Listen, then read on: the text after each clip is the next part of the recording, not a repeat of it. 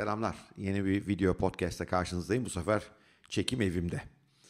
Bugün size başarıya giden yolun lineer bir yolculuk olmadığını, yani böyle düz, planlanabilir, öngörülebilir bir yolculuk olmadığını, tam tersine pek çok sapmalardan oluştuğunu ve hatta bazen bu sapmaların o gitmeye çalıştığınız yerle hiç alakası olmayabileceğini, fakat bu sapmalardan öğreneceklerinizin sizin hayattaki olağanüstü başarı yakalamak konusunda size yardımcı olabileceğini, kendi içlerinde bir takım sırlar, e, bir takım öğrenim noktaları e, sakladıklarını anlatmak istiyorum.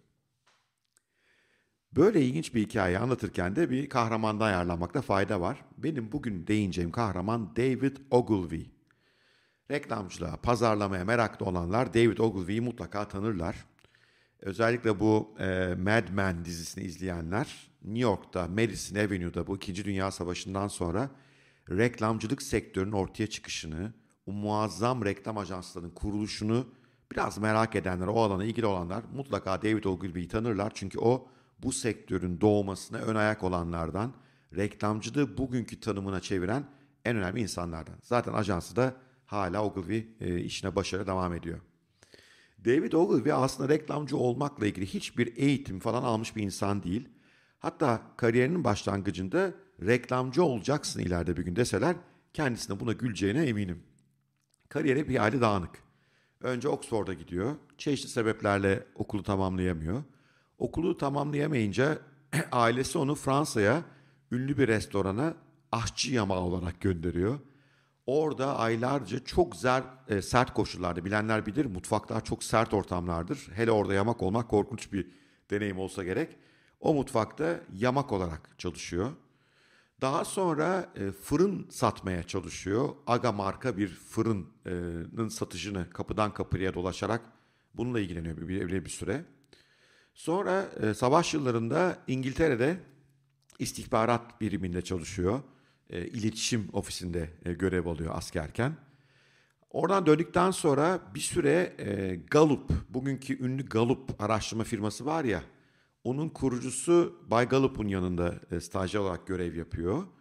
E, daha sonra belli bir süre bunu niye yaptığını hiç bilmiyorum. E, bu Amerika'da Amişler var ya Amişler bu hani bir, bu bir tarikat gibi bunlar. Dünyanın bütün nimetlerinden uzak yaşayıp kendi kendilerine kapalı çiftçi toplumlar olarak hayatlarına devam ediyorlar. Hala var Amerika'dan e, bu Amişlerden.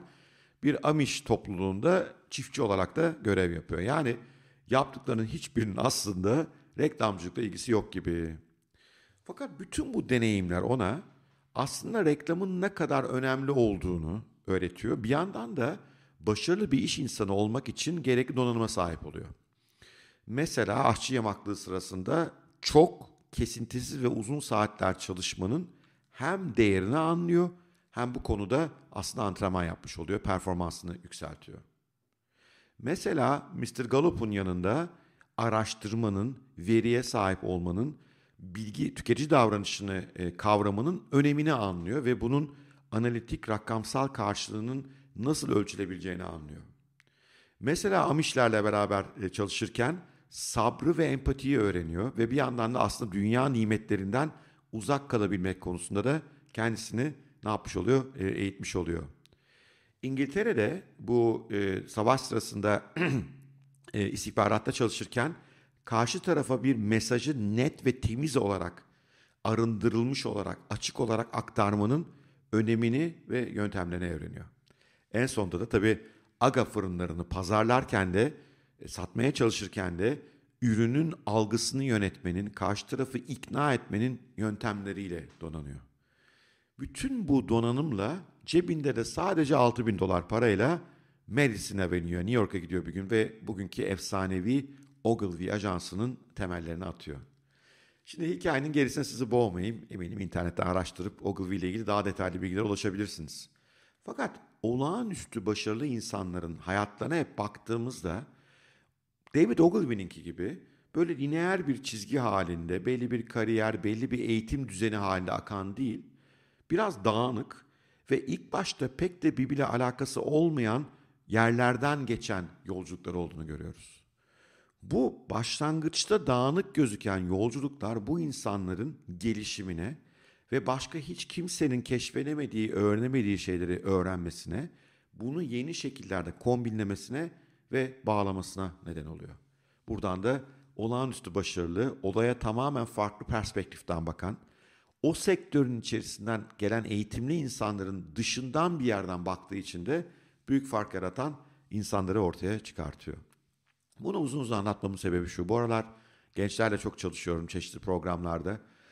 Aileleri hep onların böyle bir çok lineer çizgi izlemesini istiyor. Yani geçenlerde lise 2'li bir çocuk e, avukat olmak istediğini anlatıyordu bana. Neden deyince ailem avukat dedi.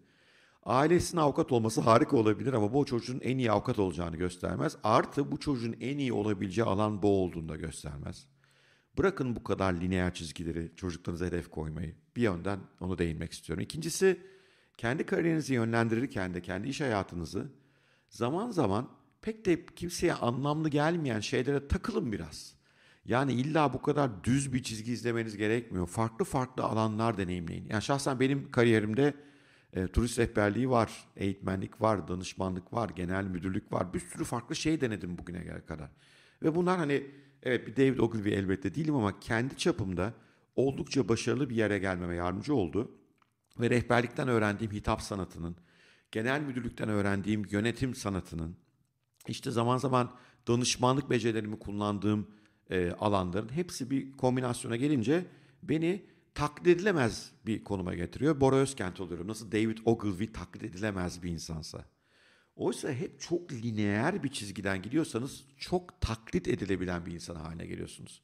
Başkaları sizin o dümdüz çizginizi izleyip sizin yaptığınıza yapabilir şeyler e, hale geliyorlar. Bu da sizin aslında iş piyasasında rekabet etmenizi biraz engel olabiliyor.